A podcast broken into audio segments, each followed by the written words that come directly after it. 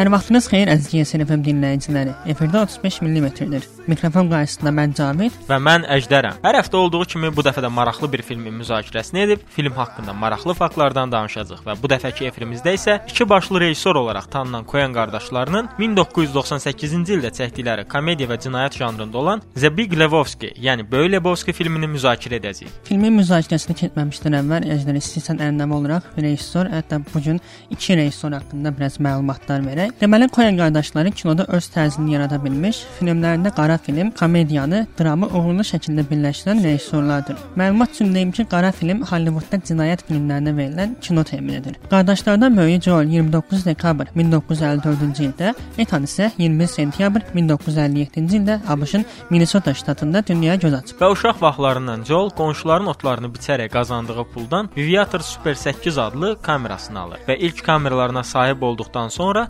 Ethanla birlikdə rollar üçün qonşu uşaqlarını oynadaraq televiziyada izlədiyi çəkdikləri filmləri yenidən çəkməyə başlayırlar. Uşaqlıqdan yaranan bu həvəsini Joel Cohen universitetdə kino ixtisasını seçərək davam etsə də, Ethan isə fəlsəfə ixtisası üzrə ixtisaslaşır. Bundan sonra Joel mahnı kliplərində və filmlərdə prodüser assistenti işləyib və film montajı üzrə ixtisaslaşdığı vaxtda Hörümçək adam filmlərinin rejissoru Sam Raimi ilə tanış olur və bu tanışlıq ona rejissorun The Evil Dead filmində montajçı assistenti olmaq şansını yaradır. Filmlərinin çoxunda Joel rejissor, Ethan isə ssenarist olaraq fəaliyyət göstərir. İkisinin həm ssenarist, həm də rejissor olduğunu filmlər də vardır. Bu qardaşlarla işləyən aktyorlar ikisinin də eyni baxış bucağına sahib olduqlarını deyirlər. Hətta sual soruşanda belə hər ikisindən eyni cavabı alırlar. Bu xüsusiyyətlərinə görə Coen qardaşları film sektorunda iki başlı rejissor kimi də adlandırılırlar. Coen qardaşlarının film yaradıcılığı isə 1984-cü ildən başlayır. 1984-cü ildə ilk filmləri olan Blood Simple çəkirlər və 40-50-ci illərdə keçən hekayə xanımının ona xəyanət etməsindən şübhələnən adamın işi araşdırmaq üçün detektiv tutmasından və bundan sonra baş verən hadisələrdən bəhs edir. Filmlər arasında əsasən 3 illik fasilə verən rejissorlar 1987-ci ildə Raising Arizona və 1990-cı ildəki Miller Crossing filmləri ilə də tənqidçilərin müsbət rəyini qazanırlar. Coen qardaşların ən uğurlu filmlərindən biri 1996-cı ildə çəkdikləri Fargo filmidir. Bu filmdə rejissorlar özlərini tam mənada sübut edə bilirlər və öz tərzlərini tam formalaşdıra bilirlər. Fargo 7 Oscar nominasiyasına ikisini qazana bilir. Filmdə pula ehtiyacı olan bir adam qaynanasından pul qoparmaq üçün həyat yoldaşını özünün tutduğu cinayətçilər tərəfindən qaçdırır. Təbii ki, Coen qardaşlarına məxsus bir filmdə gözlənildiyi kimi işlər heç də istənilən kimi getmir. Bundan başqa bu filmin eyni zamanda 2014-cü ildə eyni adlı televiziya serialı da yayımlanmağa başlamışdır. Bu serialda hekayə fərqli olsa da, filmin yaratdığı estetik zövqü artıqlaması ilə göstərməyi bacarmışdır. Qeyd edək ki, Coen qardaşları bu serialın prodüser heyətində fəaliyyət göstərirlər. Eyni zamanda bu iki başlı qardaşların orada olmayan adam, qocalara yer yoxdur, ciddi adam və bundan başqa bir neçə uğurlu filmlər də vardır. Bu gün isə efirimizin əvvəlində də bildirdiyimiz kimi Coen qardaşlarının 1998-ci ildə çəkdikləri və hələ də ən yaxşılardan hesab olunan Böyük Lebowski filmindən danışacağıq. İstəyirsən elə əvvəlcə filmin adı kimi böyük aktyor siyahısına nəzər salaq. Belə ki, baş rolda Jeff Bridges, Coenlərin ən çox birgə işlədiyi John Goodman, Juliana Moore, Steve Buscemi, filmdəki böyük Lebowski olan David Huddleston, oynadığı hər filmdə aktyor dərsi verməyə bacara bilən Philip Seymour Hoffman və başqaları iştirak edirlər. Və filmin böyük aktyor heyətinin ardınca isə filmin qısaca mövzusu haqqında danışmaq istəyirsənsə Cavid, hamı tərəfindən dude, yəni dost, dostum olaraq xitab edilən Jeffrey Lebowski bir gün iki quldurun evinə gəlib onu döyərək borclarını istəməsi ilə eyni şəhərdə başqa bir Lebowskinin də olduğunu öyrənir. Quldurların evindəki ən çox sevdiyi xalçasının çirkləndirmələrinə əsəbləşən Jeff xalçasına dəyən zərəri ödəmək üçün digər Lebowskinin yanına gedir və getdiyi yerdə əvvəlcə nə qədər də istənilməsə də, nə qədər alçaldılsa da sonradan əslində onu kifayət qədər varlı edəcək böyük bir işlə təmin olunur. Eləməli olduğu tək şey isə həmin böyük Lebowskinin, yəni əslində varlı olan Lebowskinin ə, həyat yoldaşını, hansı ki cavan xanımı qaçıranların əlindən xilas etməkdir. Bunun üçün isə sadəcə olaraq ona verilən 1 milyon dollar pulu onlara çatdırılmalı, əvəzində isə onu kimin qaçırdıqlarını isə deməlidir. Amma işlər ənənəvi olaraq Coen filmlərində olduğu kimi öz yolunda getmir. Və film davam etdikcə biz böyük Lebowskinin feminist qızı ilə tanış oluruq, hansı ki feminist ilə tanış olunan Jeffin həyatında da xırda bir dəyişiklik baş verir. Yəni filmdəki qabağımıza çıxan, yəni durdun Jeffreyin hər tərəfin ətrafında olan hər obraz onun həyatını dəyişməyə sanki özünü məcbur istədi və filmin sürət xətti elə əsasən bunun üstündə qurulubdu. Yəni onun tanış olduğu hər kəs onun həyatında kiçik də olsa toxunuşlar edir və bu onun üçün daha böyük bir şeylə nəticələnir. Filmin əsas personajı olan Dude, yəni adı qarışıq salınan Lebowski, filmin bütün səhnələrində yer alır. Hətta nihilistlərin pankek sifariş etdiyi səhnədə də Dude və Walter uzaqdan maşının içində görünürlər. Və filmin əsas maraqlı hissələrindən biri isə filmin demək olar ki, bir növ bowlingin ətrafında yığılan 3 dostdan ibarət olmasıdır ki, və biz filmdə bowling liq oyununda finalı yüksəlməyə çalışan 3 nəfəri görürük. Hansı ki, Dude və onun 2 dostunu. Və əslində bütün hadisə də elə bu dostların ətrafında baş verir ki, lakin filmdə bowlinglə maraqlı səhnələrdən biri də odur ki, Lebowski böyük bowling həvəskarı olmasına baxmayaraq, eyni zamanda komandadakı 3 nəfərdən biri olmasına baxmayaraq, Mada, yəni böyük Lebowskinin qızına bowling oynamağı öyrətdiyi xəyali səhnə istisna olmaqla onu heç vaxt bowling oynayarkən görmək olmur. Hətta Lebowski obrazı üçün seçilən aktyor Bilinç ssenarini ilk dəfə oxuyanda öz personajına bənzərliyini ifadə etmək üçün Koen qardaşlarına biz məktəb vaxtlarında birlikdə çox vaxt keçirməmişik ki, deyə zarafat edir. Hətta onun personajının paltarlarının bir çoxu da elə Jeff Bridgesin özünə aid idi. Və Bridgesin oynadığı Lebowski obrazı ilə bağlı maraqlı faktlardan biri də ssenaridə Joel Cohn Lebowskinin gəlir qaynağı olaraq onu Kubik Rubikin ixtiraçısının mirasçılarından biri olaraq təsvir etmişdi. Amma nədənsə filmdə bundan heç vaxt bəhs edilmir və onun sadəcə olaraq bir növ avara həyatı yaşayan və əslində tənbəl biri olduğu göstərilir. Çəkilişlərdə hər bir səhnəni çəkməzdən əvvəl Jeff Bridge Coen qardaşlarına yolda gələndə dürd narkotiklər istifadə etmişdi deyə sual verdi. Əgər Coen qardaşları hər cavabı versələr, Bridge öz əlləri ilə gözlərini qızarana qədər ovuşdururdu. Bu da da belə başa düşülə bilər ki, onun roluna necə hazırlaşdığını və maksimum real görünməsi üçün əlindən gələni etdiyini görə bilirik. Filmdə Lebowski üzərində 11 sentyabr 1991-ci il tarixi yazılmış bir çek imzalayır və bu isə 11 sentyabr 2001-ci il terror hadisələrindən düz 10 il əvvəlki tarixdir. The Big Lebowski, yəni Böyük Lebowski isə 1998-ci illərdə ekrana çıxmışdır. Yəni bu sadəcə olaraq kobud bir təsadüfdür. Buna bənzər hətta bu tarixlə bağlı dəqiq bir detal isə Matrix filmində də vardır. Filmdə Neonun vəsiqəsinin bitmə bitmə tarixi 11 sentyabr 2001-ci il olaraq görünür.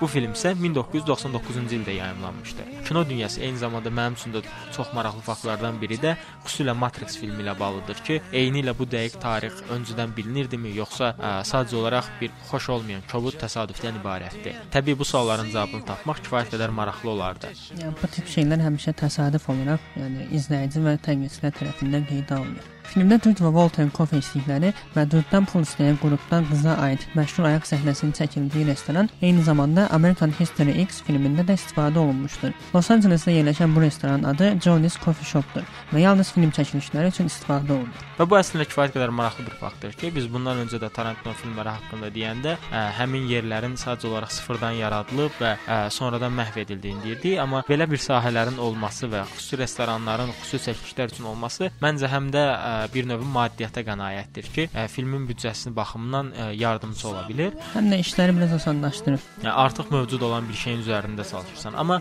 nəyisə sıfırdan yaratmağın da məncə özünün ayrı bir zövqü və özəlliyi vardır ki, necə ki bununla bağlı Tarantino'nun Pulp Fiction filmində etdiyi Jack Rabbit Slim ə, restoranını misal göstərmək olar ki, film başdan ayağa onun istədiyi formada dizayn edilmişdi. Yəni ə, əslində hazır bir şey deyil də, sıfırdan qurulan bir şeyin də əslində bu tərəfdən zövqü var ki, filmdə istədiyin formada dekorasiya dekorasiya qura bilirsən. Yəni əgər sənin filmimin tamam fərqli bir dizayna, dekorasiyalı bir məkana ehtiyacın varsa, yəni onu sıfırdan inşa edəsən və eləncində çəkilişləri və orada edəsən. Pulp Fiction demişkən Tarantino'dan Coen qardaşlarının e, fərqliyini gördüyüm bir foto da var idi ki, həmin bu kofe səhnəsində Tarantino'nun və Coen qardaşlarının bir çox film obrazlarının e, hamısının bir məkanda olduğunu göstərən bir illüstrasiyalı foto görmüşdüm ki, o da həqiqətən çox marağıma səbəb olmuşdu. Eyni zamanda o fotoda Böyük Lebowski filminin Coen qardaşlarının bundan başqa qocalar yer yoxdur. Fargo, Pulp Fiction isə digər filmlərinin də qəhrəmanları eyni məkanda oturub yəni, yemək yeyirdilər. Və elə Coen qardaşları və Tarantino barəsində danışmışkən çox maraqlı bir faktdan bəhs eləyəcəm indi. Filmdə Donnie obrazı vardır, hansı ki bayaq sözünü etdiyimiz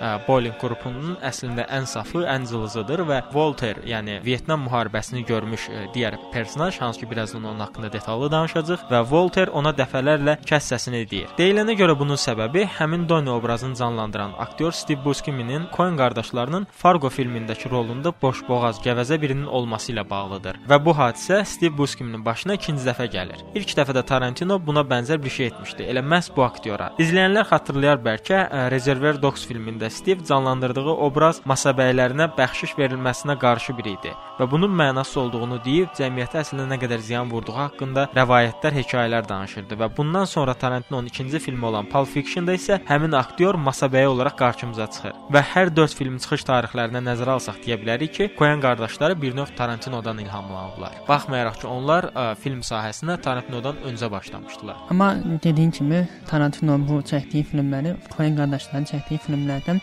əvvəl çəkilib və bu da fikrimcə yerində və yaxşı alınan bir ilhamlanma idi və hər 4 filmdə aktyor Steve öz obrazını kifayət qədər yaxşı oynayır. Yəni hər rola həm masa bəyindən nifrət edən, həm masa bəyi olaraq, həm gəvəzə, həm də tez-tez susturulan biri olaraq kifayət qədər hər rola girir və öz rollarını da kifayət qədər yaxşı ifa eləyir. Film boyunca Donnie hər dəfə səsini kəsməsin deyən Walter obrazı isə film boyunca sadəcə bir səhnədə eynəyini çıxardır və bu səhnədə filmin sonlarında gördüyümüz Donnie yas mərasimi ilə bağlanan bir səhnə idi. Və qeyd etmək istədim ki, bu film Walter-ı canlandıran John Goodman-ın öz fəaliyyəti içində filmlərdəki ən sevdiyi filmlərdən biridir. John Goodmanın canlandırdığı Walter ilə bağlı çox maraqlı bir nüans da filmə baxanların xatırlaya bilərlər ki, o özünün daima əsəbi olmağı və özündən çıxmağı ilə bağlı xüsusi hissələri vardır filmdə və tez-tez yanında öz silahı ilə gəzir və ə, Vyetnam müharibəsinin iştirakçısı olduğuna görə daima bunun əslində posttravmatik xarakterini özündə daşıyır və daima onun təsiri altında olduğunu da göstərir. Və bunu biz hətta filmdə adi bowling səhnəsində də görə bilirik ki, bowling oynayan zaman rəqibin cüzi də olsa qaydanı pozması pozmasına baxmayaraq ona heç cürə güzəşt etmək istəmir və baxmayaraq ki, onların artıq çoxdanın dostlarıdır və iş o yerə qədər gedib çıxır ki, Volter silahını çıxardır və ona sıfır ya xal yazılmasını tələb eləyir. Və müharibədən çıxandan sonra onda yaranan bu travmatik xüsusiyyət özünü eyni zamanda uşaqla bağlı filmin ortalarında gördüyümüz ə, uşaqla bağlı səhnədə də özünü büruzə verir ki, 15 yaşlı yeniyetmə bir uşaqla danışarkən belə artıq öz əsəblərini yiyə dura bilmir və cədə gedib orada uşağın olduğunu zənn etdiyi maşını xarab eləyir. Ümumiyyətlə filmdə Volter obrazı mən kifayət qədər bəyənirəm və filmdə Böyük Lebowski obrazının başına gələn işlərin ən azı bir 90% də Volterin ucbatından gəlir. Həm onun ucbatından gəlir, həm də ki, həmişə də ən çətin olduğu zamanlarda belə onun yanında hər zaman Volter var. Bu Volter həmin Boeing səhnəsində silah çıxardığı səhnədə onun ə, e, orada göstərdiyi iki obsessiyasından danışmaq istəyirəm. Onun birini, birini göstərdiyi birinci obsessiya hərbidə gördüyü səhv olanı cəzalandırmaq obsessiyadır ki, gördüyü həmişə səhvi cəzalandırmaq istəyir. Buradakı ikinci obsessiya isə Boeing oyunudur. Film boyunca ə, e, Walterin Bowlingə həmin qrupdakı 3 nəfərdə ən çox həssas və ciddi yanaşdığını görə bilir. Və bu səhnədə onun ən çox zəif olduğu Bowling və cəzalandırma hissəsi birləşəndə isə ortada belə bir mənzərə yarandı və o ə, e, sən dediyin kimi qaydanı cüzi də olsa pozan bir adama silah çəkərək ona sıfır xal yazılmasını tələb etdi. Walterla bağlı digər maraqlı bir nüans isə bir növ öz dediyindən yapışan bir insandır və öz dediyindən qırağa da heç bir halda keçmədiyini biz çox rahatlıqla görürük və bunu biz Böyük Lebowski-nin artıq pulu vermək üçün həmin quldurların yanına gedən zaman ə, həmin səhnədə görürük ki, gəlir və ə, özü də onunla birgə gəlir. Baxmayaraq ki, Lebowski ora tək getməlidir və gəlməyi də bəs etmirmiş kimi pulu oğurlamağı təklif eləyir və əvəzində isə saxta çanta atmağı bildirir. Bunun səbəbi isə Lebowski-nin ondan əvvəlki səhnədə bir ehtimal olaraq ə, qızın özünün özünün qaçırtdığı barəsində məlumatı verməsidir ki, və artıq ə, Walter bu informasiyaya o qədər inanır ki, hətta o özü özünü qaçırdıbdı, narahat olma, pul bizdə qalacaq və biz artıq milyonerik kimin ifadələrini səhnələrini işlədir. Hətta filmdə pulun onlara çatmadığını göstərmək üçün qızın ayaq barmağını kəssələr də, Walter onu belə görsə, hələ də qızın özünü qaçırtdığına inanır və e, israrla bildirir ki, mən nə qədər ayaq barmağı taparam sənin üçün. Bu əlbəttə ki, onun deyil deyə bir növ ona qarşı çıxır. Öz sözündən dönməyən, bir növ daima aqressiv əsəbləri olan bu yəhudi, ən azından özünə yəhudi deyən bu palyak filmdə əslində müharibənin bir növ mənfi tərəflərini özündə cəmləyir. Müharibənin onda qoyduğu travmanı isə bütün film boyu görmək olar. Filmdə həmin Walterin yəhudi olması aslında daha qabağı şəkildə göstərilən bir e, epizod da var ki, o yenidən keçirilən bir bowling oyunun həftə sonu, yəni şənbə günü keçiriləcəyini eşidir və o günün e, heç vaxt evdən çıxmadığını, heç bir iş görmədiyini, heç bir heç bir şeylə məşğul olmadığını deyir və çünki o deyir ki, bu bu gün yəhudilərdə şabat gündür və o gün biz heç bir iş görmürük. Nə maşın istifadə edirik, nə evdə bir iş görürük, nə çölə çıxırıq, heç bir şey. Hətta məcbur olmasaq telefona belə cavab vermirik. Amma filmdə ə, e, sonlara doğru səhnədə görürük ki, Jeff Lebowski hə, həmin gündə Walter zəng eləyir. Çoxlu cəhdlərdən sonra Walter telefonu götürür və deyir ki, vacib olduğunu bilməsəydim, hətta bu telefonu da götürməzdim. Və həmin bu Walterla maraqlı bir nüans isə filmdə biz filmin başlanğıcına və sonuna doğru onun əslində bir yəhudi olduğuna inanırıq, amma ə, sonradan Lebowski-nin ona sən sadəcə olaraq bir yəhudi ilə 5 il evli qalmısan və artıq ondan boşanmısan. Sən sadəcə olaraq bir palyaksan deməsindən sonra artıq əslində onun yəhudi deyil də bir palyak olduğunu da öyrənirik. Amma buna baxmayaraq filmin mənə görə ən maraqlı nüanslarından biri ə, nə qədər ə, yəhudi prinsiplərinə, eyni zamanda şabat, yəni həftənin şənbə günü heç nə etmərəm deməyinə baxmayaraq, Volter öz dostlarına və öz dostluğuna görə həftənin 6-cı günü, yəni həftənin şənbə günü, şabat günü dostu ilə birgə hər bir işi görür. Və bu əslində ə, filmdə bu həmin 3 nəfərin, yəni bowling ə, komandasına yığılan bu 3 nəfərin arasında bowlingdən daha ciddi şeylərin, daha ciddi dostluqların və hər bir çətinlikdə yanaşı olmağını göstərir və heç bir mənəvi prinsip bundan öndə deyildir. Bu baxımdan film kifayət qədər uğurlu alınmışdır. Və Walter obrazı ilə bir şey demək istəyirəm ki, hər nə qədər ə, dəliqanlı öz başında hərəkətlər eləsə də, məncə Coen qardaşların filmdə göstərə bildiyi ən səmimi obrazlardan biridir. Yəni adam nə qədər ə, obsessiyası olsa da, öz başına özünün qərar verdiyindən ə, dala durmasa da, hər zaman yəni sən dediyin kimi dostlarının yanında durur və ə, özünün içindəki ən ə, saf halını onlara göstərə bilir. Bu məndə belə bir fikir yaratdı ki, bu ə, Walter obrazı filmdəki ə, ən səmimi, ən yaxşı xarakteri işlənmiş obrazlardan biridir. Və Coen qardaşları John və Bridge ilə bağlı maraqlı bir fakt vardır ki, aktyor seçimlərindən sonra ssenarilərin aktyorlara uyğun yenidən yazılıb və dəyişməsinə öyrəşən və bunu bilən Jeff Bridge, yəni Lebowski, John Goodmana, yəni Walter-a zəng edərək bu filmin ssenarisinin nə vaxt yenidən yazılacağını soruşur və bilindiyi kimi də John ə, Coen-lərdə ən çox işləyən aktyorlardan biridir və Jeff isə cavabında bildirir ki, bu film Coen arasında yazılıb və onlar heç vaxt öz materiallarını yenidən yazmırlar. Ə, və bu əslində mənə ssenarist və rejissorların, yəni bu Coen qardaşlarının çox müsbət bir xüsusiyyəti kimi gəlir ki, ə, nə istədiklərini bilirlər və heç zamanda aktyora uyğun ssenari yazmırlar. Ssenariyə uyğun aktyor seçirlər. Bu əslində kifayət qədər yaxşı bir nüansdır və mükəmməliyyətçiliyi göstərir. Və bu filmdən öncə, yəni keçən həftə danışdığımız 2001 Kosmik Macəra filminin rejissoru Stanley Kubrick də eyni qaydada mükəmməliyyətçi idi və ə, bu əslində hər iki rejissorların ə, necə uğurlu bir imitasiya etdiklərini və necə bir-birinə oxşadıqlarını göstərir. Coen qardaşlarının ssenari yazmasına bağlı dediyi bir fikrə ə, öz əlavələrimi etmək istəyirdim. Dedim ki, ə, onlar heç vaxt ə, aktyora görə ssenari yazmırlar, ssenariyə görə aktyoru seçirlər. Mənim fikrimcə, yəni aktyora görə ssenari yazmaq elə də pis bir şey deyil. Çünki bəzi elə bir detallar olar ki, sənin yaratdığın, yəni sənin yazdığın birinci qaralamadakı ssenari ilə sonradan seçilən aktyor uyuşmazlar və sonradan sən ona gərək məcbursan ki, ya obraza ya da ki ssenaridə dəyişikliklər edəsən. Yəni burada Coen qardaşlarının ə, yolundan dönmədiyini, onların ən yaxşı olduğunu göstərmələri ssenarinin dəyişiklik eləməmələridir. Yəni buna ə, həm ə, aktyor üçün ssenari yazmaları da və yaxud ssenari üçün aktyor seçmələri də daxil ola bilər. Yəni bu mənim şəxsi fikrimdir ki, aktyora görə ssenari yazmaq məncə pis deyil. Yəni bunun ə, bir çox fərqli nümunələri vardır ki, bu hətta yaxşı alınıbdır. Məsələn üçün Tarantino kriminal cinayət filmində o The Wolf obrazı sırf həmin aktyor üçün yazılmışdı və ə, məncə sən də razılaşarsan ki, bu həmin filmdə çox yaxşı, yəni o alınmış bir rollardan biri idi. Bəli, bu əslində həmin obraz kifayət qədər həmin rolda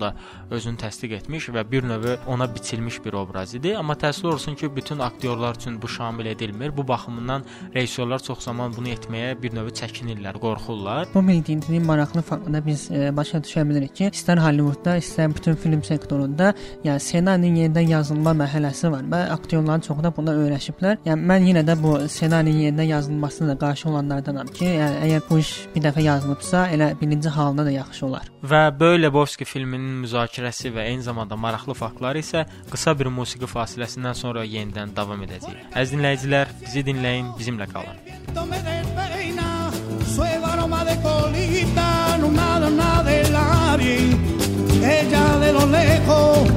una luz en tela, la idea de mezcal, te vi por en la noche, ella estaba a la entrada y la campana de sonar y me dijo ya mismo esto puedo del cielo.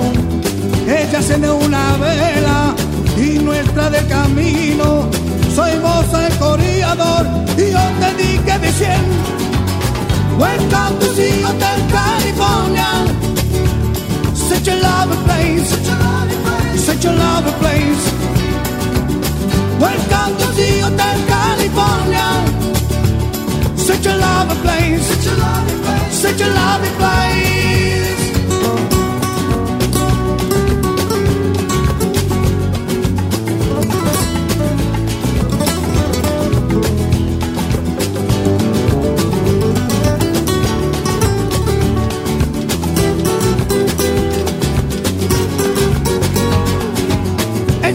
Que brillaba de una Mercedes, rodea chico guapo.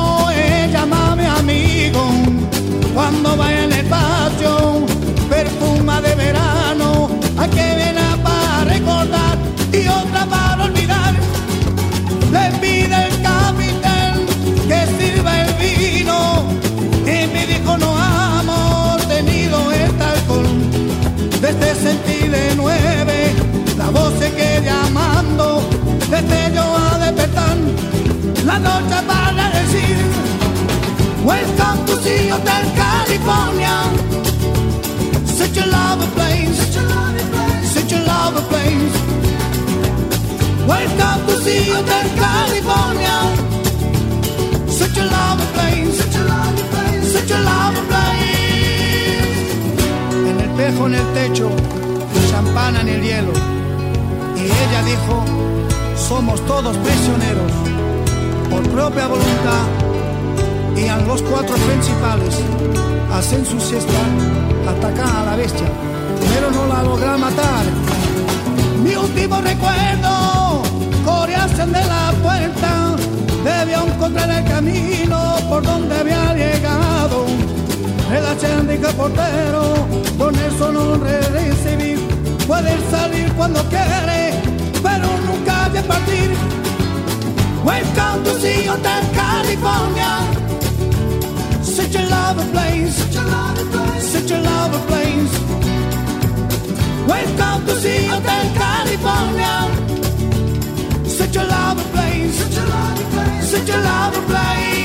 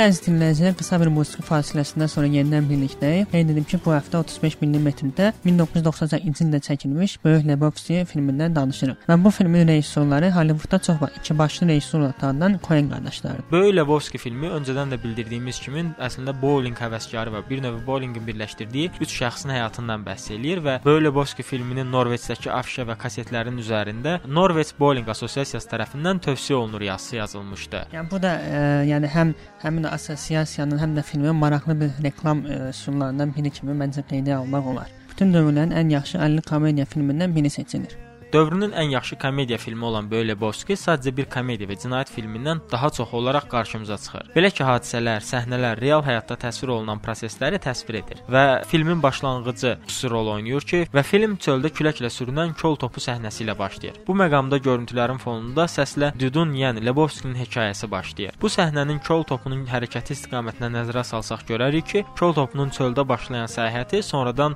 Los Ancelesdə, yəni dəniz sahilinə qədər gedir çıxır. Məhz bu hissə hissəsi filmin gedişatı haqqında vacib detalları izah edir. Kol topu çöldən başlayır, bu təbii, quraq bir həyatı simvolizə edir. Sənayeləşməmiş, müasirləşməmiş həyatı.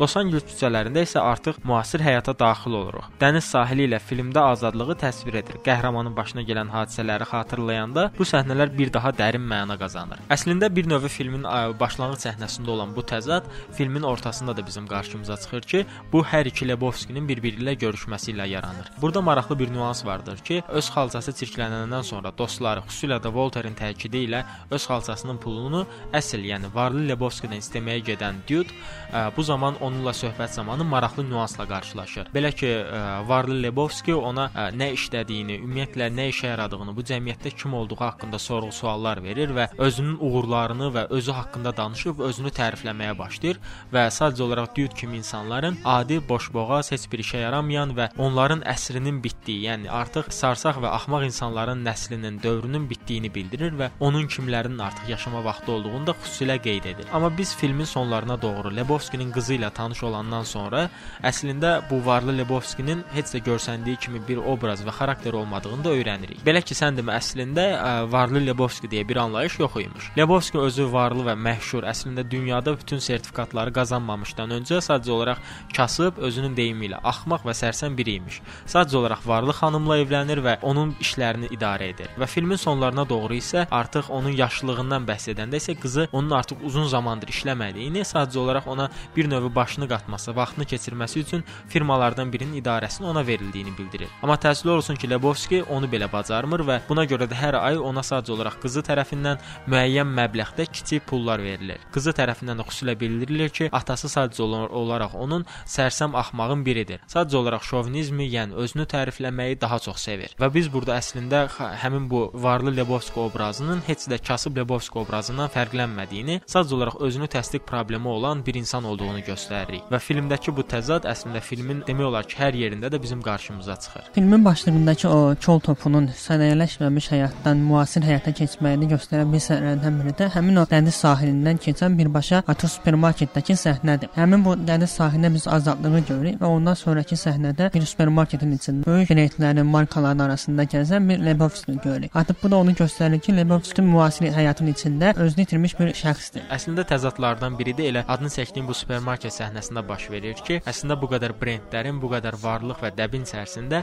heç nəyə vecinə olmayan, sadəcə olaraq rahat geyimdə gəzmək istəyən və təkcə rahatlıq və sərbəstliyi sevən bir adam olur. Və bu onun bir növ dəbə brendlərə olan vətsizliyini göstərir. Bu vətsizlik o qədər böyük olmuşdur ki, o artıq özünə süd almaq istəyəndə südü marketdəki vitrindən götürüb dadına baxaraq seçir. Və sonradan ə, həmin o dadına baxıb içəndən sonra dodağının üstündə ə, qalan süd izini heç vaxt silmir və bu onu heç, sanki narahat eləmir. Həmin o kassada oturan qızın da ona süzən baxışlarla baxması, geyimini və stilini sanki ə, tənqid edərmişcəsinə baxmasına onu heç narahat eləmir. Onun sərbəst həyat yaşadıqda sadəcə 0.67 dollar üçün belə sadəcə çek yazmasıdır. Yəni onun cibində nəqd pulu yoxdur, sadəcə ə, hər şeyini çeklə ödəyir. Yəni 0.67 dollar üçün belə çek ödəyir. Və filmdə onun vətsiz olduğu səhnələrdən biri də bayaq adını çəkdiyimiz Varlı Lebowski-nin onu əslində nə qədər axmaq, cəmiyyətə yararsız biri olduğu barəsində uzun-uzun danışmağına baxmayaraq otaqdan çıxdıqdan sonra onun köməkçisinə heç nə ən sevdiyim xalçalardan birini götürüb gedəcəm.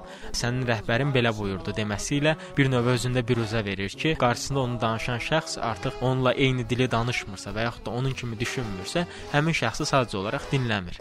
Həm də öz qələbəsini göstərməyə çalışır ki, mən yenə də öz istədiyimi eləyirəm. Bilirsən maraqlısı nədir? Nə qədər vətsiz və heç nəyin vecinə olmadığını göstərməyə çalışsa da, varlı qızın, yəni varlı Lebowski-nin ə, həyat yoldaşı oğurlananda, onu xilas etmək üçün göndəriləndə, həmin qızın həyatının onun əllərində olduğunu öyrənməyi onun üçün kifayət qədər məsuliyyətli bir iş idi və hətta Volterlə də bu mövzuda anlaşılmazlıq yaşamışdılar ki, bəs ə, bu pul onlara çatacaq. Fərqi yoxdur nə olmağından asılı olmayaraq, çünki qızın həyatı mənim əllərimdədir.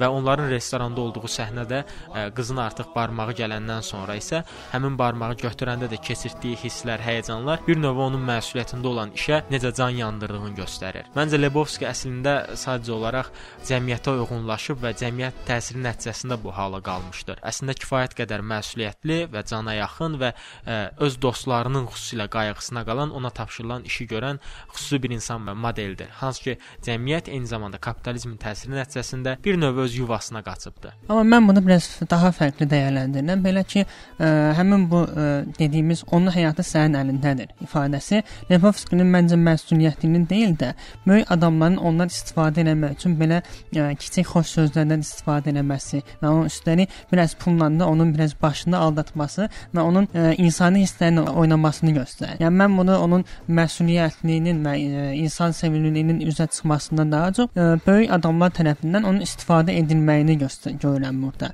Təbii ki, Lebowski öz dostları üçün hər şey edər, amma tanımadığı üçün bu qədər təhlükəyə də girməzdi. Yəni onun başını aldadırlar ki, hə, dəfələrlə hətta böyük Lebowski və onun köməkçisi ona təkrar edir ki, onun həyatı sənin əlindədir, onun həyatı sənin əlindədir və onun da qarşılığında pul verirlər. Bu da beləsinə onun başını aldadıb bu işə qatırlar onu. Mən bunu beləsinə dəyərləndirirəm. Və ə, pul demişkən, pul mövzusu mənim üçün əslində filmdə ən böyük suallardan biri olaraq qaldı. Film əslində başdan ayağa götürülən, yəni həmin dərnəkdən götürülən 1 milyon dolların üzərində qurulur və Lebowski ənənəvi olaraq hamı, yəni onu görən hər kəs Lebowski, Lebowskinin qızı, ə, eyni zamanda digər bir quldur dəstəsi pulun tapılacağı halda ona 10% verəcəyini deyirlər və heç kəs nə 10%-dən artıq, nə də az deyir və orta hesabla əgər düzgün hesablanılsa, ə, Lebowskinin hardasa 30 minə yaxın pulu olmalı idi. Maraqlı nüanslardan biri pul harda olmağı ilə bağlıdır ki, filmin sonlarına yaxın əslində pulun elə varlı Lubevski tərəfindən götürüldüyünü zənn eləsək də, o tamamilə israr edərək əslində pulun onda olmadığını bildirir və pul kimdədir o zaman? Həqiqətən bu çox maraqlı sualdır və filmin sonuna qədər də təəssüf olsun ki, mənə bu sual qaranlıq olaraq qaldı. Pulu ortada ə, e, görmədiyimiz üçün deyə bilərik ki, ə, e, hətta biz də bizə bunu deməyə biraz kömək edir ki, ə, e, həmin böyük Lebowskinin çantaya sadəcə qanun jurnallar doldurması nəticəsində biz deyə bilərik ki, pul heç yox idi. Amma bir səhnə bizə bunu biraz ə, e, təkzib edir ki, həmin qızı həmin o fonddan pul çaldığını deyir. Amma buna baxmayaraq biz həmin filmdə heç bir tərəf, heç kim tərəfindən bu pulun ə, e, sahib olduğunu görə bilmirik. Ə, və bir növ kapitalizmin insanlara təsirinin üzərində qurulan bu filmdə ə, e, maraqlı epizodlar görə bilirik ki, elə bunlardan biri də filmin əvvəlində Lebowski ilə quldurlar arasındakı münaqişəni görə bilirik ki, onlar Lebowskinin evindəki xalçaya zərər vururlar və bu zərərin nəticəsini ödətmək üçün isə Lebowski əsl, yəni var Karlı Lebowskinin yanına gedir. Və burada əslində Döyüşçü klubu filmindən maraqlı istat göstərmək olar ki, ə, hətta filmdə belə bir söz tam yerinə düşür ki, sahib olduqların sonunda sənə sahib olurlar. Bu film əslində kapitalizmin insanlara bir növ təsiri, onları gətirdikləri son vəziyyəti göstərmək üçün çox yaxşı ifadə olunubdu. Və bayaq sən qeyd etdiyin detalda Lebowskinin gəlib böyük Lebowskinin evindən ə, öz xalçasını dəyişdirməsi və onun yerinə onu evinə gətirməsi onu sanki yenidən həyata qaytarır. Onun batırılan zərər yetirilən xalçası ilə bütün elə bil ki, azadlığı və bütün ə, e, xoşbəxtliyi itmişdisə də, bu yeni gətirilən xalça ilə də o ə, e, yeni həyata qayıdır. Filmin əsas hissəsinin keçdiyi məkanlardan biri də bu bowling salonudur. Bu bowling salonu bir növ ə, e, qara cəmaətin yaşadığı məkanı, həyatı təsvir edir. Və bu ə, həmin həyatda, yəni bowling salonunda oynayan oynayanlar sömürülən xalqı, salon işçiləri, işçi kənd təbəqəsini göstərir. Və maraqlı fakt olaraq dediyimiz heç vaxt bowling oynayarkən görünməyən, amma həmişə salonda vaxt keçirən dost dostumuz, yəni Lebowski xalqın tərəfində olan, amma onlar kimi ola bilməyən, öz dünyasını, tərzini yarada bilən şəxsiyyəti təmsil edir. Yəni bəlkə də filmdə hə, həmin ə, e, elə bu informasiyanı başa düşməyə kömək edir ki, Lebowski hər nə qədər o cəmaətin içində olsa da, onlar kimi ola bilmədiyi üçün biz onun həmin ə, e, bowling bowling oynayan yerdə səhnəsini heç vaxt görmürük. Bowlingdən danışmışkən, filmdə də maraqlı nüanslardan biri də bir növ bowlinqə bir incəsənət olaraq yanaşılmasıdır ki, və filmdə biz bunu quldurların Lebowskinin evinə daxil olan zaman onun çantasını açanda içindən sadəcə olaraq bir bowling topunun çıxması ilə görə bilərik. Eyni zamanda bu adını çəkdiyimiz 3 dost bowlingdən evə qayıdarkən hərəsi öz bowling topunu öz çantasına qoyaraq aparır. Bir növ bowling topu onlar üçün dünyadakı ən vacib bir şeyə çevrilmişdir və onu daima təmizləyir, daima özləri ilə gəzdirir və bir növ onlarla yaşayırlar. Hətta bowlinglə ə, bağlı maraqlı nüanslardan biri də Dudun, yəni bu Lebowskinin, hə, kasıb Lebowskinin sadəcə olaraq dinlənmək üçün adicə musiqiyə qulaq asanda belə ə, bowling yarışmalarından olan ə, səslərə qulaq asmasıdır ki, böyük bowling çempionatlarında həmin bowling atışları, onların şarları şüarları dağıtması yalnızca bu səslərdən ibarətdir. Eyni zamanda film ərzində Lebowski, yəni Dude 2 dəfə yuxuya gedir. Daha doğrusu zorla yuxuya yollanılır. Vurulma nəticəsində yuxuya gedir ki, hər iki yuxu da birbaşa olaraq bowlinglə əlaqədardır ki, hər iki yuxunun harda başlamasından asılı olmayaraq, hə, hər şey bowlingdə bitir. Bowling bir növ onlar üçün müqəddəs və həyatda tutuna biləcəkləri tək bir şeyə çevrilmişdir. Hətta biz burada bowling olan sevgini bu üçü ilə yanaşı digər obrazların da timsalında görə bilirik ki, burada öz özünə İsa deyən İspanyolu misal göstərmək olar ki, hansı ki onun haqqında da qısa tarixi deyilmişdir ki, 8 8 yaşındakı bir uşağa təcavüz etdiyi üçün daimi olaraq cəmiyyətdən təcrid olunmuşdu və bir-bir qapıları döyərək əslində necə biri olduğunu hamıya bildirmişdi. Və onun belə hətta elə cəmiyyətin elə bir fərdinin belə bowlinqə olan böyük həvəsini və onun ə, xüsusi marağını, atış tərzini, hər bir şeyini xüsusilə göstərilir. Və bir növ filmdə bowling əslində bütün təbəqədən insanların bərabərləşdiyi bir növ araf rolunu oynayır və hər kəs burada eynidir və hər kəsin amalı, məqsədi eynidir. Həmin bu bowlingində finala yüksəlmək və qalib olmaqdır. Filmin maraqlı sonuncu hissədə isə biz Donnie misal göstərə bilərik ki, Və filmdə biz ə, bowlingin bu 3 nəfər içərisində daha çox Donnie tərəfindən oynanıldığını görürük və Donnie kifayət qədər yaxşı oynayır və filmin son səhnəsində Donnie ə, sadəcə olaraq bowling ə, bütün şarları dağıda bilmir və yalnızca bir şar yıxılmamış qalır. Həmin zaman Donnie nisbətini görmək belə əslində onların bowlingə necə dəyər verdiklərini bir daha göstərir. Bu həmin o ə, bir dənə daşın qalması və onun məyusluğa düşməsi, onun ə, sən dediyin kimi bowlingə olan maraqlarının və həyat tərzinə çevrilməyini göstərsə də, bunun ə, filmin sonluğu ilə bağlı da maraqlı bir detalı bizə göstərməyə çalışır ki, film boyunca görürük ki, Tony hər zaman bütün daşları yerə salır. Amma bu son səhnədə bir dənə daşı yerə sal sala bilməməsindən sonrakı səhnədə isə biz artıq onun öldüyünü görürük. Və burada ə, həm ə, onun bowlingə olan marağını, həm də ki, ə, filmin ə, maraqlı bir ə, ssenari və ya görüntü işi olaraq onun ölümünə bir işarə olduğunu göstərən bir simvoldur. Bu Doni obrazı ilə obrazından söhbət açılmışsa bir neçə ə, söz demək istirdim. Son dərəcə saf və yaxşı biri olması Doni üçün belə bir mühitdə həyatda qalmaq üçün kifayət eləmir. Doni sistem qarşısında, yəni onu idarə edən insanlar qarşısında özünü inkişaf etdirə bilməyən, obyektiv düşüncədən uzaq birisidir. Belə olmaq isə onun üçün ə, sonda yaxşı nəticələnmir. Həmin filmin sonundakı ə, bir digər qrupla dava olan səhnədə ironiyanın formada ölür və onun varlığı ancaq öləndə hiss edilir və onun ölümünün birbaşa səbəbkarı kimi isə əslində mən ə, ürək tutmasını deyil də Volteri ə, səbəbkar bilirəm. Volter filmdə milliyyətçiliyin həyatda necə bir məna qazandığını göstərir. Ə, məsələn, kofe içdikləri restoranda masabəyin azarlanması, onunla yüksək səslə danışması və bu kimi şey digər şeyləri etməsi onda böyük bir özgüvənin olduğuna işarədir.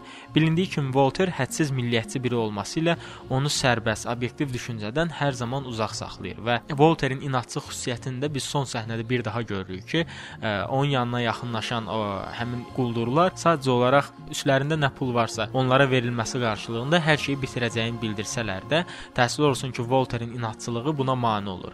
Baxmayaraq ki, həm Doni, həm də ki, Dude ə, e, ciblərində olan 3 dollar və 18 dollara çıxardıb artıq verməyə hazır olsa da, Volter buna qarşı çıxır.